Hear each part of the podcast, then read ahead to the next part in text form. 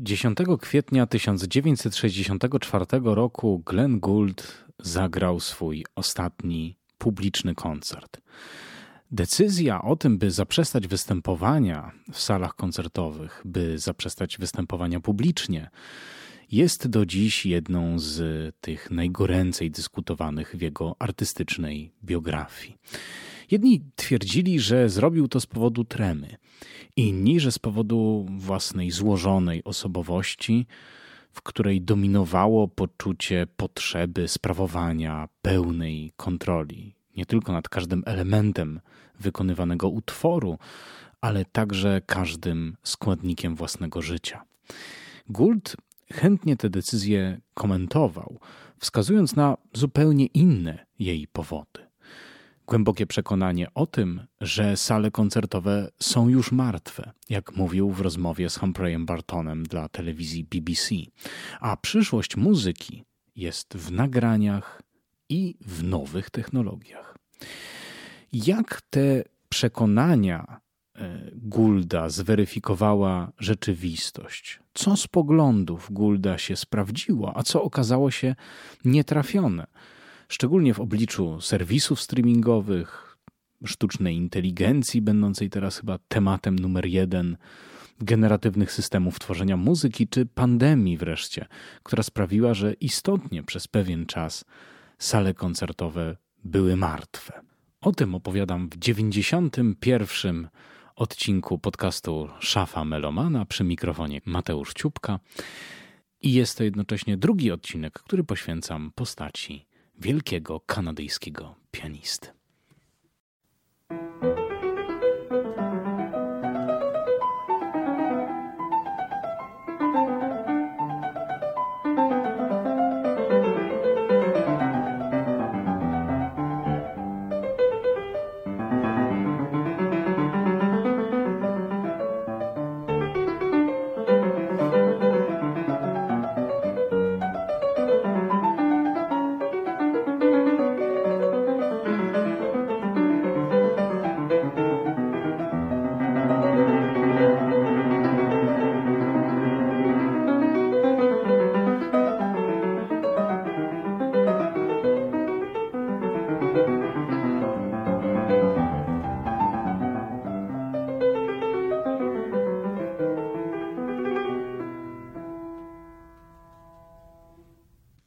Decyzji o tym, aby przerwać swoje publiczne występy i aby nie wystąpić nigdy więcej, nikt przed Guldem nie odważył się podjąć. Żaden pianista wcześniej nie porzucił sal koncertowych, honorariów za występy, nie wyłączył się z obiegu koncertowego i nie postawił wszystkiego na jedną kartę. I to kartę, której, która była bardzo niepewna w tamtych czasach. Bowiem e, era, w której on podjął tę decyzję, to era, w której nośnikami nagrań były przede wszystkim longplaye, płyty długogrające, albo taśma magnetyczna, ale jeszcze nie kasety magnetofonowe. E, taśma, która zrewolucjonizowała świat nagraniowy, ponieważ umożliwiła coś, czego oczywiście na longplayu zrobić się nie dało, czyli montaż. W rozmowie z Bertonem, o której e, wspominałem już wcześniej, która odbyła się w roku 1966, a zatem dwa lata po tym, jak Glenn Gould podjął decyzję o porzuceniu sal koncertowych, Gould mówił tak. Żyjemy w szczególnym momencie przemiany świata muzyki. Dotyczy on tego, w jaki sposób muzyka będzie odbierana, słuchana. Musimy postrzegać słuchacza jako ostateczny cel naszej aktywności. Myślę, że słuchacz uświadomił sobie, jak wielką władzę e, ma, posiada, to władza podejmowania decyzji, które są częścią wykonywania oraz komponowania muzyki. O jakiej władzy mówi Gould, który jednocześnie w innym wywiadzie stwierdził, że gardzi publicznością? No ale publiczność i słuchacz to nie jest to samo. Publiczność to byt szerszy, publiczność to byt kolektywny. Słuchacz jest odbiorcą indywidualnym, niejako wyprojektowanym, de facto jeszcze szerszym, bo słuchacz w myśli Gulda to każdy, każdy z nas, kto tylko zdecyduje się włączyć muzykę, kto pod każdą dowolną szerokością geograficzną jej będzie słuchał. Dalej Gould opisuje właśnie tę władzę słuchacza. Dzisiejszy słuchacz, siedzący w swoim domu przed kontrolerami stereofonicznymi, które są prymitywne w porównaniu z tym, co wydarzy się pewnie za 10 lat, dokonuje decyzji interpretacyjnych. Decyduje o balansie, czyli o czymś, co dotychczas rozstrzegał dyrygent, decyduje o klarowności dźwięku, czyli zastępuje mnie albo uzupełnia mnie, wykonawcę. Słuchacz jest wykwalifikowany albo będzie wykwalifikowany dzięki erudycji, którą zapewni mu ogromna ilość dostępnych w katalogach nagrań, a także zwyczajnie poprzez osłuchanie. Oto jego rola, oto jego zadanie, oto jego przyszłość. Trudno nie odnieść wrażenia, że Gould nieco tego odbiorcę idealizuje. Wyobraża sobie go bazując na realiach lat 60., w których zarówno dobry sprzęt audio, jak i same nagrania były zwyczajnie drogie. Cena długo grającej płyty w czasach Goulda, czyli powiedzmy właśnie, mam tutaj na myśli lata 60., przełom lat 50. i 60., wahała się między 2 a 4 dolary, szczególnie w zależności od tego, czy nagranie było dokonane w mono czy w stereo. Gould y, mówi tam w tym fragmencie, który przytoczyłem, o stereo, czyli o tych jeszcze jakby droższych nagraniach. Mm, to y, w przeliczeniu na dzisiejsze warunki, przy uwzględnieniu inflacji, zarobków i tak dalej, byłoby powiedzmy między 17 a 35 dolarów. 17 za mono, 35 za stereo, czyli między 70 a 150 złotych. Nie jest to może kwota zaporowa, ale wyobraźcie sobie, jak bardzo ona rośnie w oczach, gdy pomyślimy, że za każdy album, jaki przesłuchaliśmy w maju, e, powiedzmy przez serwisy streamingowe na YouTubie i tak dalej, mielibyśmy taką kwotę zapłacić. No optymalnie w stereo, czyli około 150 zł. Z tego się robi już bardzo, bardzo pokaźna suma. Osłuchany odbiorca w czasach Gulda był zatem człowiekiem zamożnym i od takiego człowieka można było wymagać erudycji. Człowiek zamożny, człowiek na poziomie, człowiek bywający w salach koncertowych, e, interesujący się i mający czas na to, aby interesować się czymś więcej niż to, czy zepnie mu się budżet od pierwszego do pierwszego. Gould byłby pewnie zachwycony tym, że dzisiaj ta mm, ekonomiczna bariera została całkowicie pokonana, przełamana i że mamy tani, bo nie chcę powiedzieć, no właśnie, to jest problematyczne, nie chcę powiedzieć darmowy dostęp do mm, rozmaitych nagrań, ponieważ my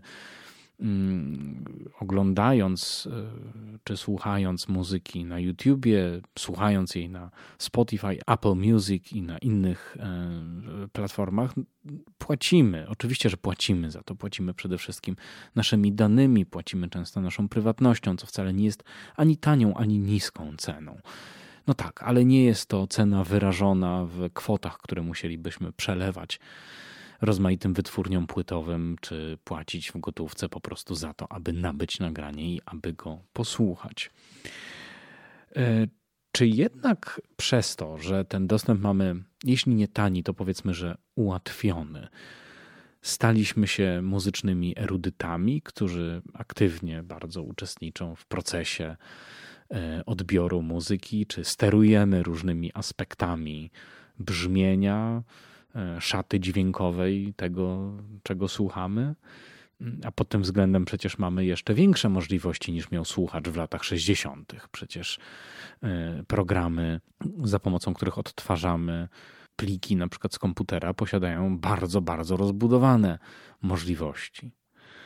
Wydaje mi się, że pomijając zawołanych audiofili, większość z nas słucha muzyki po prostu na tym, co ma.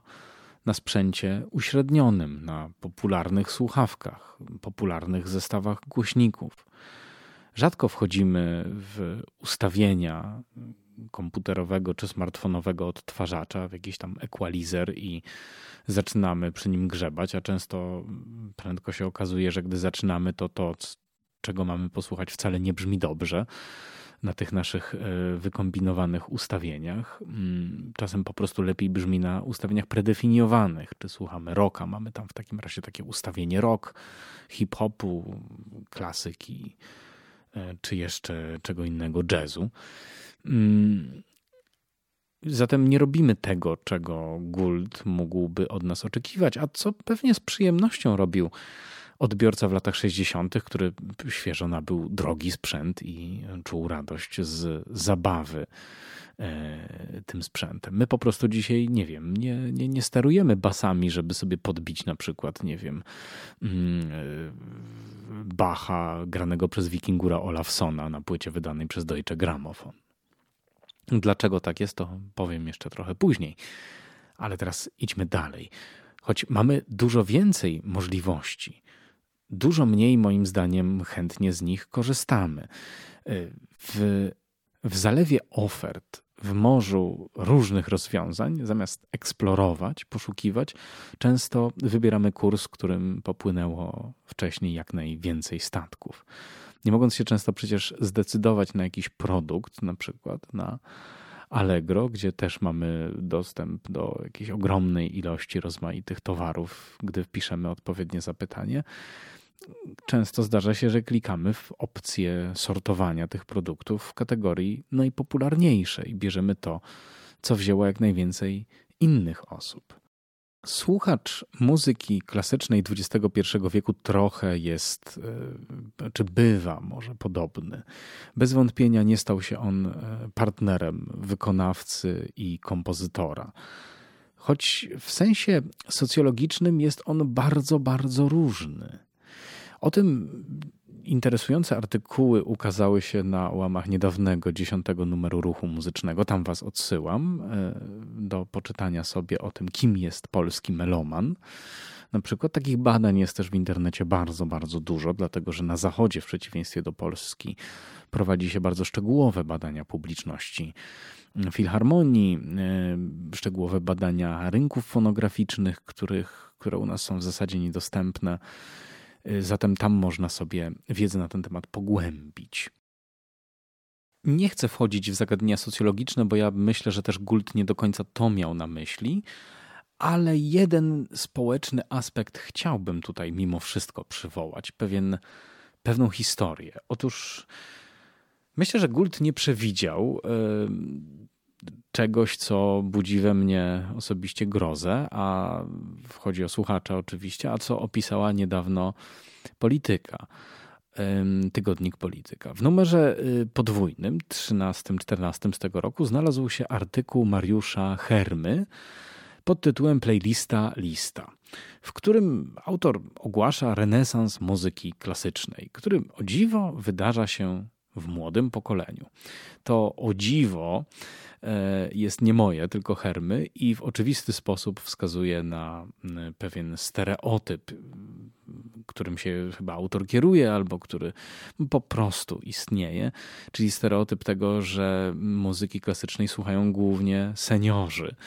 E, istotnie badania, o których możemy przeczytać w ruchu muzycznym, o którym wspominałem w tym numerze 10, wskazują, że osoby po 60 roku życia, których ja bym jeszcze nie określił jako seniorzy, ale rozumiem, że tu w Polsce trochę inne standardy panują, stanowią większą część abonamentowej publiczności w salach koncertowych, na przykład w Nosprze. Podobne informacje zresztą podają amerykańskie sale koncertowe.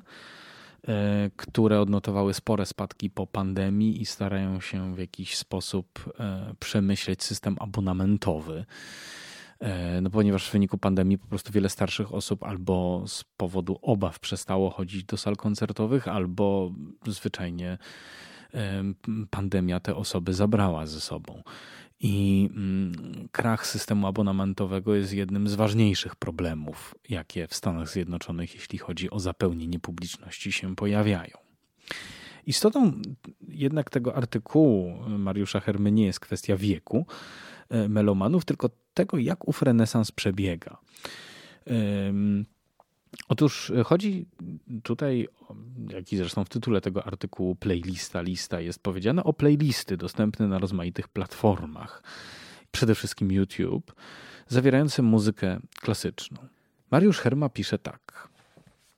Muzyka poważna znowu jest modna, pokazują zarówno dane z serwisów streamingowych, jak i decyzje branżowych tuzów. A ten nieoczekiwany renesans o dziwo napędzają młode pokolenia. Czy chcesz powiedzieć, że muzyka klasyczna jest nudna? Pyta w tytule zamieszczonej w serwisie YouTube playlisty użytkownik o pseudonimie Nobody, czyli nikt. Jego lub jej zestaw zaczyna się walcem z maskarady Haczatoriana, dalej są sonata z diabelskim trylem Tartiniego, lato z czterech pór roku Vivaldiego, finał uwertury rok 1812 Czajkowskiego, etiuda rewolucyjna Chopina i trzecia część sonaty księżycowej Beethovena. Z Ravela jest nie bolero, lecz skarbo – Zestawienie kończy tokata i fuga demol Bacha. W sumie 14 utworów, godzina słuchania. Liczba wyświetleń playlisty 7,2 miliona w ciągu roku od publikacji. Jest też 5000 komentarzy. Ania mówi, że na te playlisty trafiła przypadkiem, opowiada znajoma kompozytorka, której nastoletnia córka niespodziewanie zaczęła ostatnio słuchać klasyki właśnie dzięki tej playliście. YouTube podsunął jej to zestawienie jej to zestawienie gdzieś między odcinkami anime i lekcjami rysunku. Inne zestawy, które mają milionowe zasięgi, to jak to jest nie spać o czwartej nad ranem, jesteś astronautą w kosmosie poznającym rzeczy, których ludzkość nigdy nie pozna, najadłeś się halucynogennych grzybów w erze wikingów, ale są też praktyczne wersje, na przykład gdy masz doła, która ma 2 miliony odsłon. W sumie playlisty tego jednego kuratora wyświetlono prawie 80 milionów razy tylko w ciągu ostatniego roku. Podobnych propozycji na YouTube jest mnóstwo. Muzyka klasyczna nie jest nudna 4,4 miliona odsłon. Wzruszająca muzyka orkiestralna 9 milionów. Muzyka do deadline'u 2,4 miliona. 4 godziny Chopina do nauki koncentracji i relaksu, 10 milionów. Wreszcie dosadne The Best of Chopin, aż 33 miliony. Fanów mają również zestawy dla tych, którzy chcieliby docenić ciemną stronę swej natury, jak na przykład klasyka dla czarnych charakterów 2,8 miliona, czy ta playlista sprawi, że poczujesz jak XIX-wieczny łotr. Tę ostatnią otwierają jezioro Łabędzie Czajkowskiego, Dance Macabre Sensansa i Lacrimosa Mozarta, a zamyka Dies Irae Verdiego. Herma przywołuje także inne dowody na rzekomy boom klasyki. To popularność y, muzyków, youtuberów, ścieżek dźwiękowych do seriali czy twórczość Hani Rani. Skupmy się jednak na tych playlistach, w przypadku których owe milionowe liczby działają tak przekonująco i tak mocno oddziałują na naszą wyobraźnię.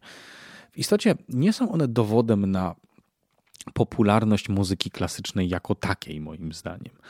Ich słuchacz nie jest wyidealizowanym guldowskim odbiorcą, który poprzez swoje zaangażowanie w kształt brzmieniowy utworu, przeżycie głębokie tego, co słyszy, będzie partnerem kompozytora i wykonawcy, ale jest kimś, kto nagrania traktuje w kategorii praktycznego zastosowania, czyli robi z utworów absolutnie do tego nieprzeznaczonych muzak, muzykę tła, pewnego rodzaju y, tapetę dźwiękową, którą okłada ściany swojego pokoju.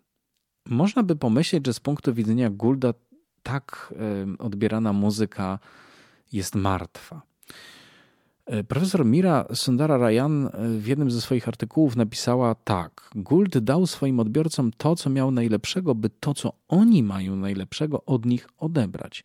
Ich kreatywne zaangażowanie w proces słuchania. Dla niego to zaangażowanie ożywiało muzykę. Jego zdaniem to zaangażowanie umożliwiła technologia.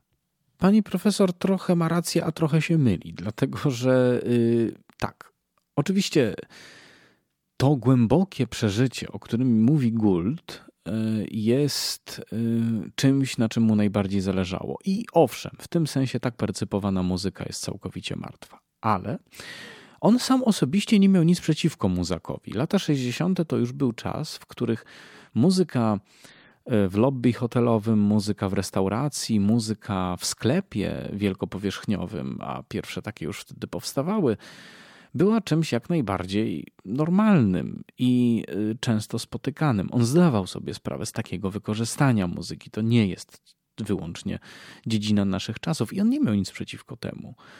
Co więcej, on uważał, że pewnego rodzaju konserwatywny protest przeciwko takiemu wykorzystywaniu muzyki, w tym muzyki klasycznej oczywiście, bo to miał dokładnie na myśli. Mm, wykorzystanie na przykład Czajkowskiego gdzieś tam, nie wiem, w galerii handlowej czy coś takiego. Nie budzi tak naprawdę sprzeciwu Gulda, dlatego że on uważa, że takie sakralne traktowanie dzieła orkiestrowego wynika z faktu, że dzieło to zostało wsadzone do sali koncertowej, która ma trochę charakter sakralny. Będę o tym mówił jeszcze nieco później. Natomiast nikt nie broni komukolwiek przeżyć czegoś pięknego, słuchając owego Czajkowskiego w pięknej restauracji. Przecież to nie jest sytuacja, w której przeżycie jest całkowicie niemożliwe. Być może dla kogoś jest, być może co więcej, właśnie w tej sytuacji przeżyje coś o wiele głębszego i mocniejszego niż przeżyłby w sali koncertowej, w której będzie mu przeszkadzał siedzący obok niego widz szeleszczący papierkiem, albo będzie mu przeszkadzał jego kołnierzyk w ściśle pod szyję zapiętej białej koszuli i tak dalej, i tak dalej. Pamiętajmy jednak, że mm, y, ta obrona muzaka, ta obrona mm, muzyki tła, tapety dźwiękowej y, jest mm, wyrazem pewnego ferworu polemicznego Glena Goulda, który po prostu walczy z czymś, co nazywał lobby antynagraniowym. A oczywiście to lobby antynagraniowe e, o, o, o wokalanie muzyk muzyki klasycznej, wykorzystywaniem go w takich właśnie celach, e, jako tapety dźwiękowej, podnosiło niejednokrotnie jako jeden z najmocniejszych argumentów, dla których muzyka powinna być w salach koncertowych i nigdzie więcej. W tym przypadku Gould e, po prostu walczy ze swoimi oponentami i dlatego broni muzaka. Natomiast siłą rzeczy nie o tego rodzaju odbiór mu chodzi, gdy pisze o pełnym, głębokim przeżyciu muzyki e, w bardzo osobisty, e, samotniczy sposób, obcując z nagraniem. Wróćmy na chwileczkę jeszcze do artykułu Mariusza Hermy. Dźwiękowa tapeta to nie jest jedyny rodzaj zastosowania muzyki dostępnej dziś obecnie w nagraniach. Mariusz Herma w tym swoim artykule nie opisał, skąd wzięły się te wielogodzinne playlisty muzyczne zawierające muzykę klasyczną. Trochę traktuje te playlisty, jakby to był rodzaj takiego deus ex machina. To otwieramy YouTube i, i widzimy coś takiego. A tymczasem, co się okazuje? Jednym z ich źródeł jest społeczność, która kilka lat temu zbudowała się wokół serwisu Tumblr, a nazywa się ona Dark Academia. Zaistniała ona w 2015 roku, a na jej rozwój miała wpływ w znacznej mierze estetyka e, Harry'ego Pottera, bo to to pokolenie, które się wychowało na Harrym Potterze, właśnie e, tę subkulturę e, Dark Academia tworzy. Na ten świat składa się afirmacja dla doskonałego akademickiego wykształcenia, kult nauki, estetyka architektury gotyckiej, moda vintage, lata 30., lata 40., e, albo też właśnie moda znana z subkultury gotyckiej, bo one się przenikają. E, a zatem i muzea, mamy shopy, mamy klimaty jesienne, nostalgia, klasyczna literatura. Jeśli film, to oczywiście Stowarzyszenie Umarłych Poetów. Jeśli książka, to portret Doriana Greya. Jeśli muzyka, to oczywiście klasyczna. No i to samo dotyczy e, takiego wywodzącego się z nurtu Dark Academia, e, nurtu Light Academia z kolei, gdzie to wszystko skąpane jest w dużo jaśniejszych kolorach, dużo e, bardziej w beżach i w bielach.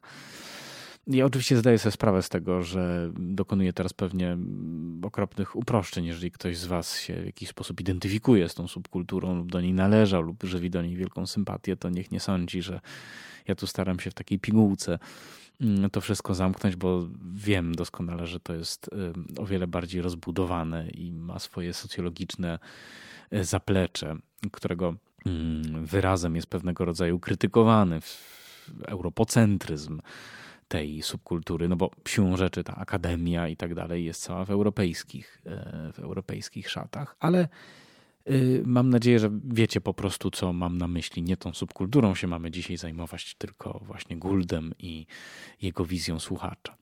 Ale dla tej subkultury bardzo ważny jest proces y, samodoskonalenia. Muzyka klasyczna w dużej mierze ten proces wspomaga.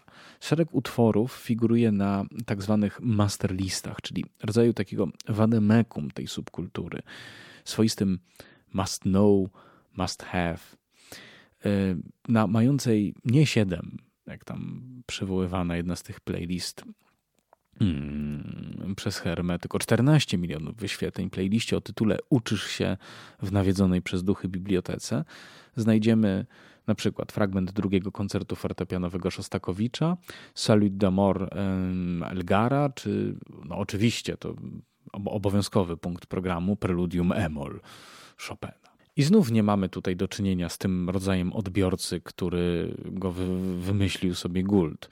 Bo dla tego odbiorcy nowa technologia stała się drogą do pewnego pozyskania elementu własnej tożsamości, sposobem znalezienia krótkiej ścieżki e, do e, krótkiej ścieżki do ścieżki swojego własnego życia, ścieżki dźwiękowej swojego własnego życia. Tego odbiorcę raczej nie będzie interesowało wykonanie tego drugiego koncertu fortepianowego Szostakowicza, a już na pewno nie jego pojedyncze aspekty wykonawcze, jak jakiś balans, dynamika, artykulacja itd., tak itd. Tak On nie będzie porównywał wykonań. Co więcej, domyślam się, że zasłuchany w znajdującą się też zresztą na tej playliście drugą część koncertu Rachmaninowa, może ze zdumieniem odkryć, że istnieją jeszcze część pierwsza i trzecia tego koncertu i wcale może nie być zadowolony z tego, ponieważ one średnio pasują do imidżu Dark Academia. Muzyka staje się więc e, czymś na równi butów, sukienki vintage, e, pięknie prowadzonego planera, e, czy może, nie wiem, szeregu rozmaitych innych retro rekwizytów. Staje się elementem scenografii, staje się elementem identyfikacji pewnego teatru życia, który tworzy sobie członek takiej właśnie subkultury. I to ma jeszcze inne właśnie zastosowanie, i ono też całkowicie odbiega od tego, o czym myślał Gould, gdy chodziło o pewne głębokie, głębokie przeżycie związane z odbiorem muzyki jako takiej.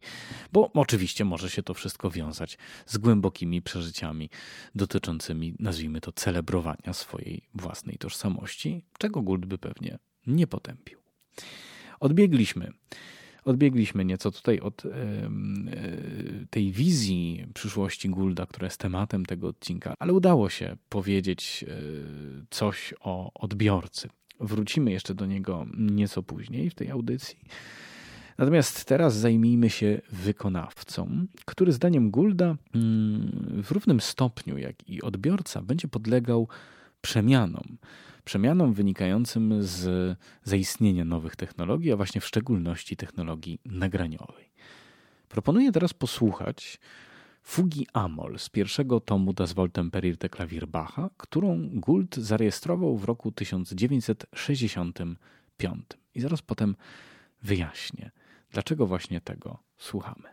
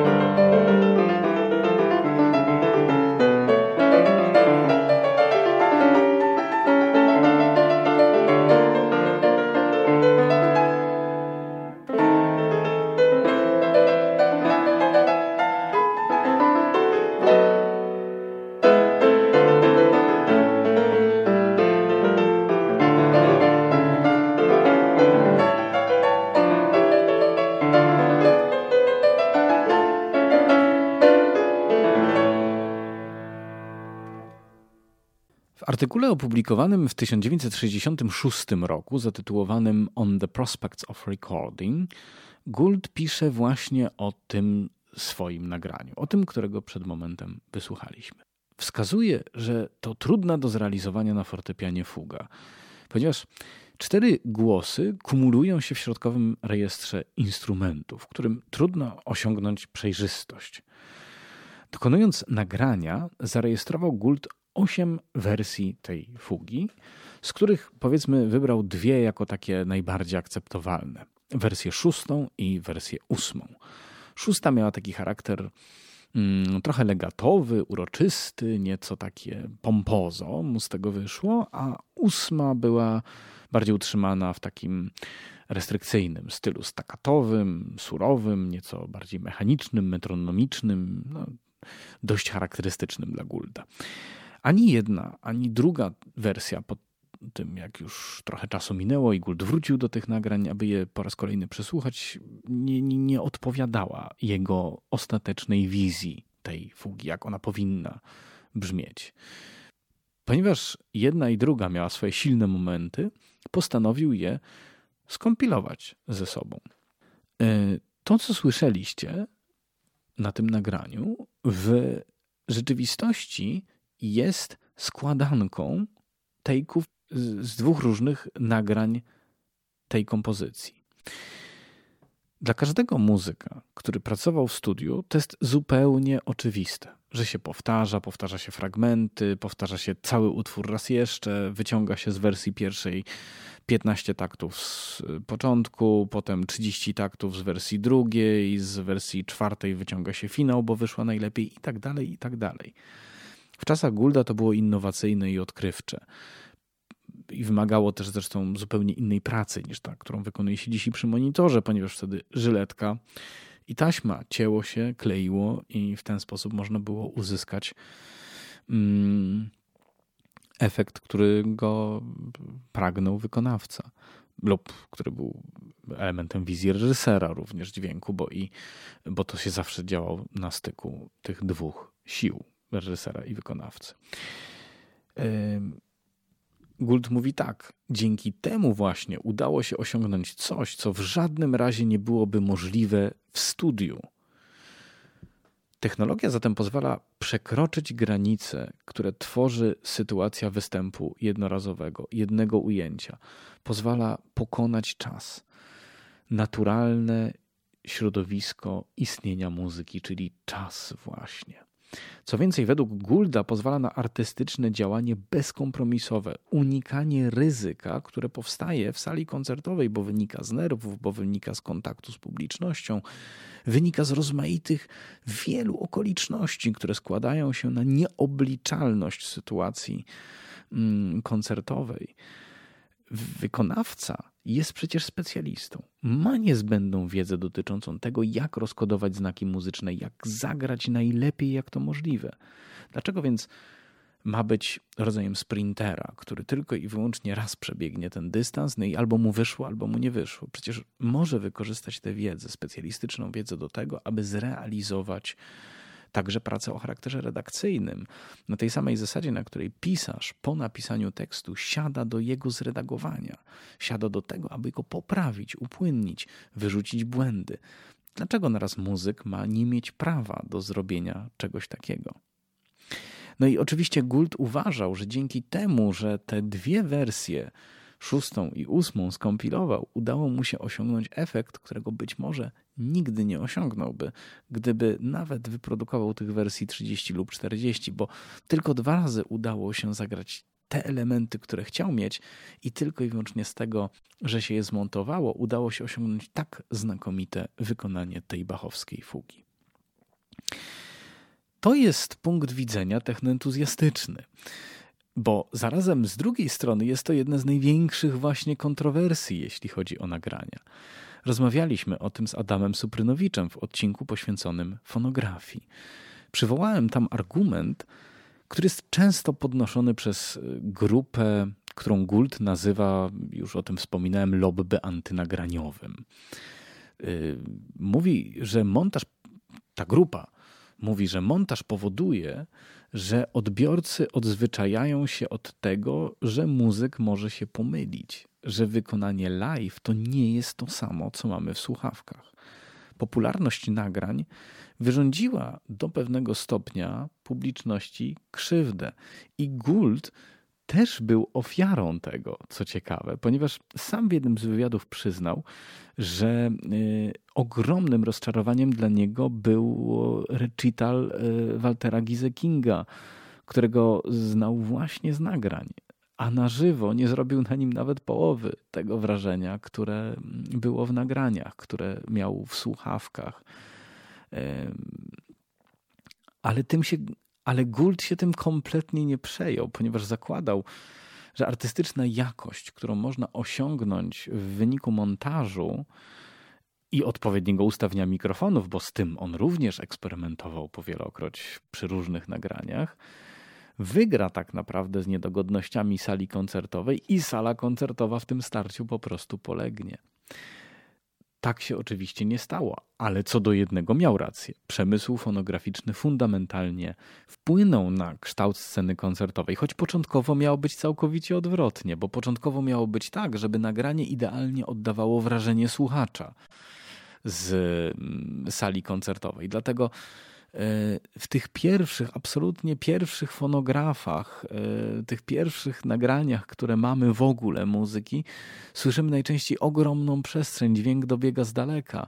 Nie jest blisko, oczywiście, to jest kwestia techniki z jednej strony, ale to jest też kwestia pewnej filozofii podejścia z drugiej.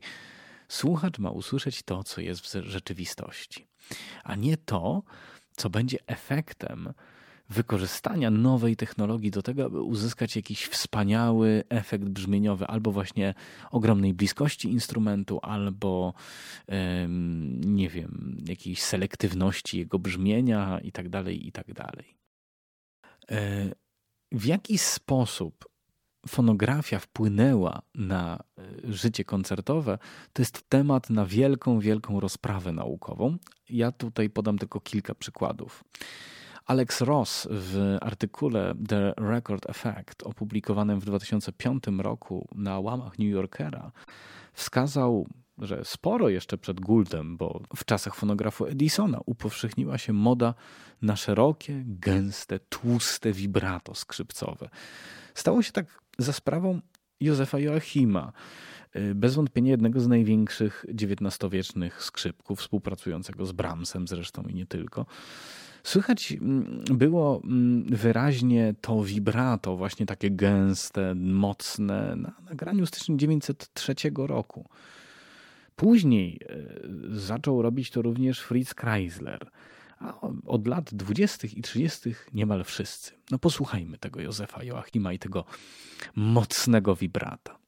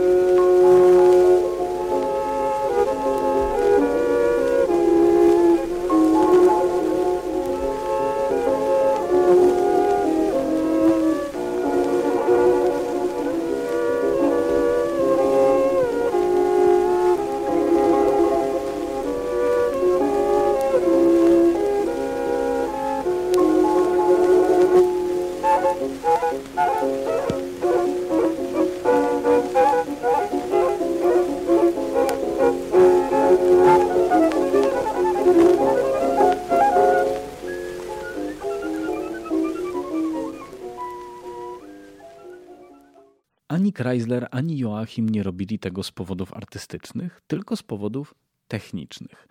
Wczesne mikrofony były na tyle niedoskonałe, że w ten sposób, tym wibratem, trzeba było im pomóc. Zwyczajnie rozwibrowany dźwięk łapał się lepiej i lepiej też brzmiał później w odsłuchu. Ale to już nikogo nie obchodziło specjalnie, bo moda się ustanowiła i trwa do dziś.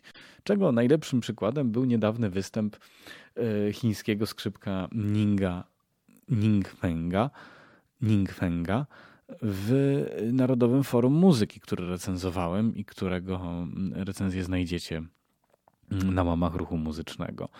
Lewa ręka na gryfie w koncercie skrzypcowym Elgara latała po prostu jak szalona. To nie, nie, nieprawdopodobnie silne rozwibrowanie, które zresztą jest dzisiaj właśnie standardem przy wykonywaniu takiej muzyki.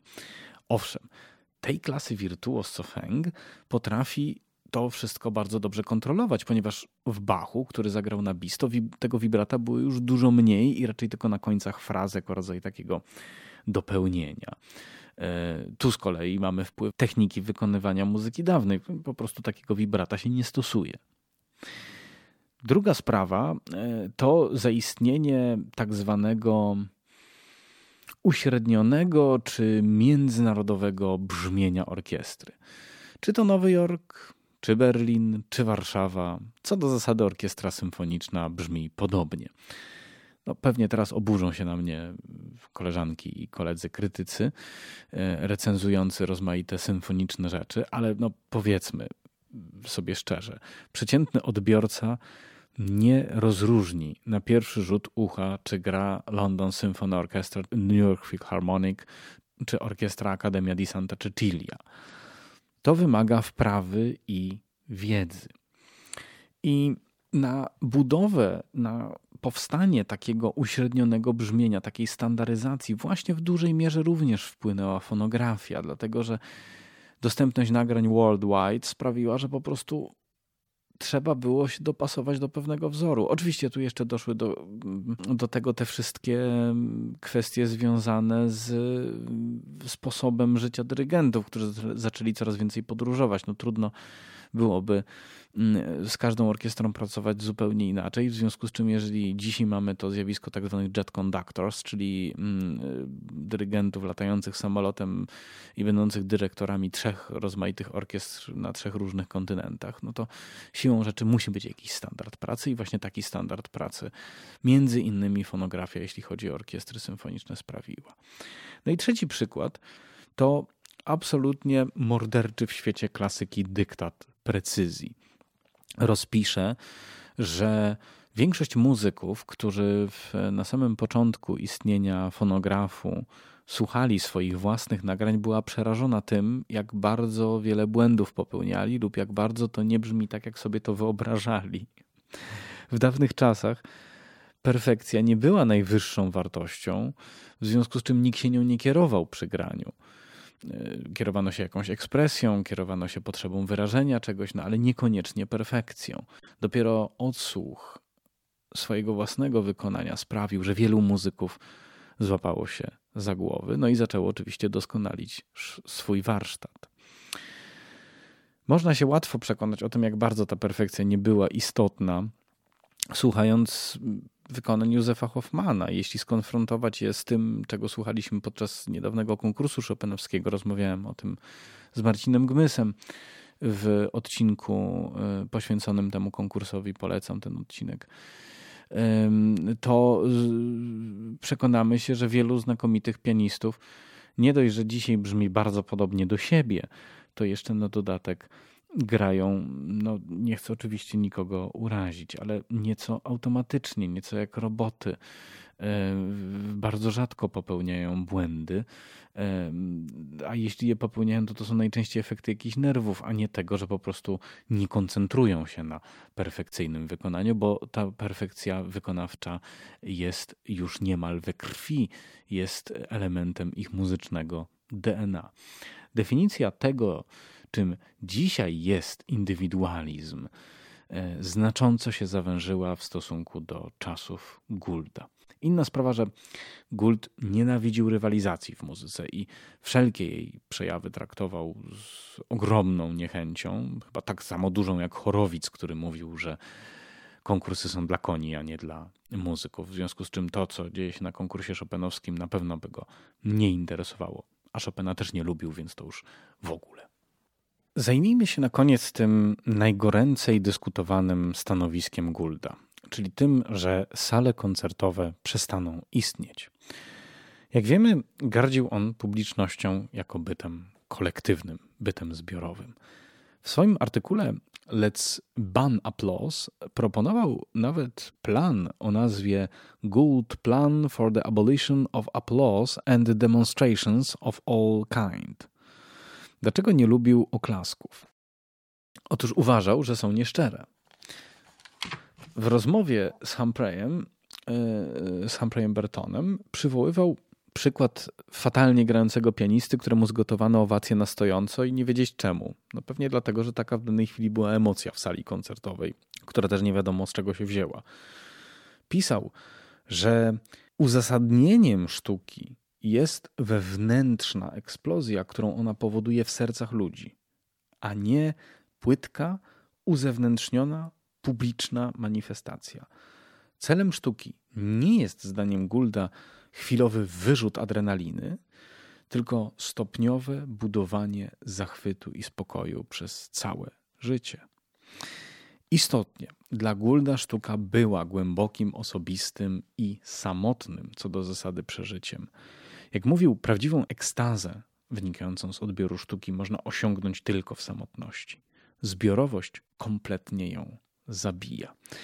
Sala koncertowa, którą nazywał katedrą symfonii, wspominałem o tym na początku, jej estetyka, establishment, który nią kieruje, środowiskowy, menadżerski, ale także establishment, który się w niej spotyka, były dla niego nie tylko passe, ale też czymś wręcz odstręczającym. I zasadniczo trochę z Guldem wypada się zgodzić. No tak, te sale w większości takie są. To są przybytki pewnego rodzaju konserwatyzmu.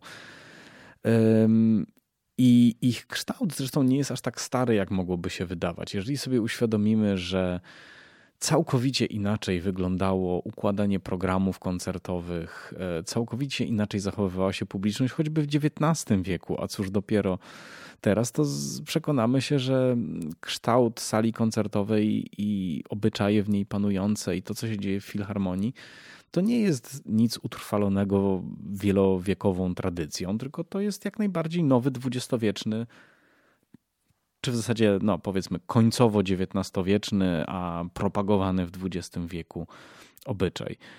Za najlepszy przykład niech posłuży fakt, że e, jeszcze w XX wieku nikt nie robił zagadnienia z klaskania pomiędzy częściami. Coś, co dzisiaj jest, e, o, zaklaskać pomiędzy częściami. Największa zbrodnia w sali koncertowej, prawda? Przecież to już w ogóle, nie wiem, dowód złego wychowania, no potępienie absolutne. No przecież filharmonie głowią się e, i głowią nad tym, jak tu nie urazić publiczności, a jednak zwrócić jej uwagę, że między częściami się nie klaszcze, prawda? A zupełnie tak dawniej nie było. Jeszcze w XX wieku, jak weźmiemy nagrania to usłyszymy, jak pomiędzy częściami publiczność klaszcze i wiwatuje i nikt nie robi z tego żadnego zagadnienia. Jak to więc możliwe, że sale koncertowe przetrwały, skoro są takie pase i są takie w ogóle mm, niedzisiejsze i kompletnie nieprzystające do naszego świata? Tak twierdził Gould, że nie przystają do naszego świata w latach 60., a cóż dopiero teraz w 2023 roku. Odpowiedzi Udziela tutaj trochę Alex Ross właśnie, który wskazuje w tym samym artykule, że galopujący postęp technologiczny po prostu wywołał potrzebę ucieczki od świata, wywołał potrzebę eskapizmu. I tak, Dark Academia jest jednym z wcieleń takiej ucieczki, i sala koncertowa jest innym, ale to jest to samo zjawisko. To jest to samo zjawisko. Rozpisze, że nigdy wcześniej nie było tak, aby słuchacze muzyki klasycznej i muzycy jednocześnie zamknęli się w tak szczelnej bańce jak obecnie, która skutecznie izoluje ich od technologicznego świata to znaczy przynajmniej w ich własnym mniemaniu. Oczywiście mm, są kompozytorzy i wykonawcy, którzy technologię wykorzystują, komentują ją w swoich kompozycjach, także no pozostają zaangażowani w tę kwestię, ale to już od dawna środowisko muzyki współczesnej, środowisko muzyki nowej i środowisko z jednej strony, a środowisko muzyki klasycznej, mm, powiedzmy to filharmoniczne, beethovenowsko-bramsowskie, że je tak nazwę, to, jest, to są dwa różne środowiska i one nie zawsze się przecinają, albo się przecinają tylko w pojedynczych osobach. Mm. Ta druga grupa, właśnie jak ją nazwałem teraz beethovenowsko-bramsowska, to grupa, która stara się w pewien sposób zachować taką iluzję starego świata sprzed czasu fonografu Edisona, iluzję pewnego arystokratycznego obyczaju, pewnego hmm, czegoś z wyższej półki, czegoś lepszego, czego absolutnie karykaturalnym już przykładem była estetyka lansowana przez Bogusława Kaczyńskiego i do dziś e, pożądana w pewnej grupie odbiorców spod znaku może właśnie już nie beethovenowsko-bramsowskiego, a spod znaku straussowsko-lecharowo-kalmanowego. I, I w tej grupie zdecydowanie istnieje potrzeba chodzenia do sal koncertowych, po prostu i uciekania do nich przed światem, który coraz mniej ci ludzie rozumieją i trudno im się dziwić. W czym natomiast Gould miał bezwzględnie rację? Otóż w tym, że poprzez nagrania przyszło absolutne ożywienie muzyki dawnej. To w jego czasach zaczęto interesować się praktyką historyczną, nagrywać repertuar przedklasyczny, a nawet renesansowy. E, myślę, że z satysfakcją obserwował aż do 1982 roku, kiedy zmarł, jak ten ruch się rozwija i to właśnie poprzez technikę nagraniową. Dzisiaj, w 2023 roku, świat muzyki dawnej tętni życiem, zarówno w sensie wydawania kolejnych płyt, i to płyt, które często zawierają mm, premierowe, pierwsze nagrania danych dzieł, nigdy wcześniej nierejestrowanych, ale też i w sensie takiej. Mm, osobistej alternatywy dla świątyni symfonii, prawda, dla katedry symfonii, jaką jest Filharmonia. I mówię tutaj oczywiście o innowacyjnych festiwalach, o koncertach plenerowych, gdzie panuje zupełnie inna atmosfera, jeżeli się udaje ją osiągnąć organizatorom, a na przykład taką udaje się osiągnąć na festiwalu bachowskim w Świdnicy, no to właśnie e, to zupełnie odbiega od pewnej sztywności sali koncertowej, jaką jest powiedzmy, nie wiem, e, sala filharmonii czy, czy, czy, czy sala siedziby dużej orkiestry. Mm, I pewnie, jak sądzę, w tym takich warunkach takiego festiwalu Gould nie poczułby się jakoś rewelacyjnie, dlatego że on po prostu nie lubił występować publicznie i w tej czy w innej formie byłoby to dla niego coś niedobrego, ale mm, z pewnością mniej gardziłby mm, takim e, swobodnym, bezpretensjonalnym letnim festiwalem e, którymś z dolnośląskich barokowych kościołów na przykład, e, niż wielką galą w Lincoln Center. My możemy mówić, że Gould na pewno definitywnie nie miał racji, jak chodzi o sale koncertowe. Tak, no, z punktu widzenia roku 2023 nie miał racji, ale on twierdził, że sale koncertowe mogą czy znikną w ciągu najbliższych 100 lat. A zatem powiedzmy, że czas na weryfikację jego przepowiedni przyjdzie w 2060 roku. I wcale nie jest wykluczone, że będzie miał rację częściowo ponieważ presja ekonomiczna i rozwój nowych technologii transmisji przede wszystkim mogą w znacznym stopniu ograniczyć muzykę na żywo, tak długo, jak długo te transmisje będą w stanie zrekompensować doświadczenie bycia w sali koncertowej. Wówczas nie z wyboru podyktowanego artystyczną jakością, ale z powodu finansowej konieczności będziemy musieli oprzeć nasz udział w muzyce, nasz sposób e, codziennego z nią obcowania właśnie na nagraniach w tej czy w innej postaci. Nie jestem pewien, czy wyjdzie nam to na zdrowie i czy nie będzie to oznaczało, wbrew nadziejom samego Gulda, powolnej śmierci świata muzyki klasycznej. Być może podzieli on los takich artefaktów przeszłości jak pióro wieczne czy szyte na miarę ubranie bo one już powszechnie nie są dostępne i nigdy prawdopodobnie już nie będą, ale dalej istnieją, tylko dla ograniczonej, wtajemniczonej najczęściej grupy y, odbiorców. Nie tak licznej jak kiedyś, ale wciąż wymagającej. I wymagającej do tego stopnia, że te nieliczne artefakty mają też nie tak dobrą jak kiedyś, ale mają wysoką jakość i dostępne są grupce entuzjastów. A może już tak jest? I to wszystko dzisiaj e, z mojej strony. E, kłania się Wam nisko Mateusz Ciupka, 91 odcinek podcastu Szafa Melomana za nami, a przed nami 92. Przypominam tylko, że Szafa zmieniła dzień nadawania. Będziemy teraz słyszeli się w piątki, zatem nowe odcinki będą towarzyszyły Wam, mam nadzieję, że przez weekend, przy jakimś miłej czynności, jaką będziecie wykonywać, może umilą Wam podróż y, weekendową samochodem albo e, sprawią, że sprzątanie będzie mniej uciążliwe, bo takiego odbioru bym najbardziej sobie życzył chyba, nie takiego e, jak w świątyni symfonii, tylko właśnie takiego bardzo bezpośredniego. Dziękuję Wam bardzo serdecznie za uwagę i słyszymy się w przyszły piątek.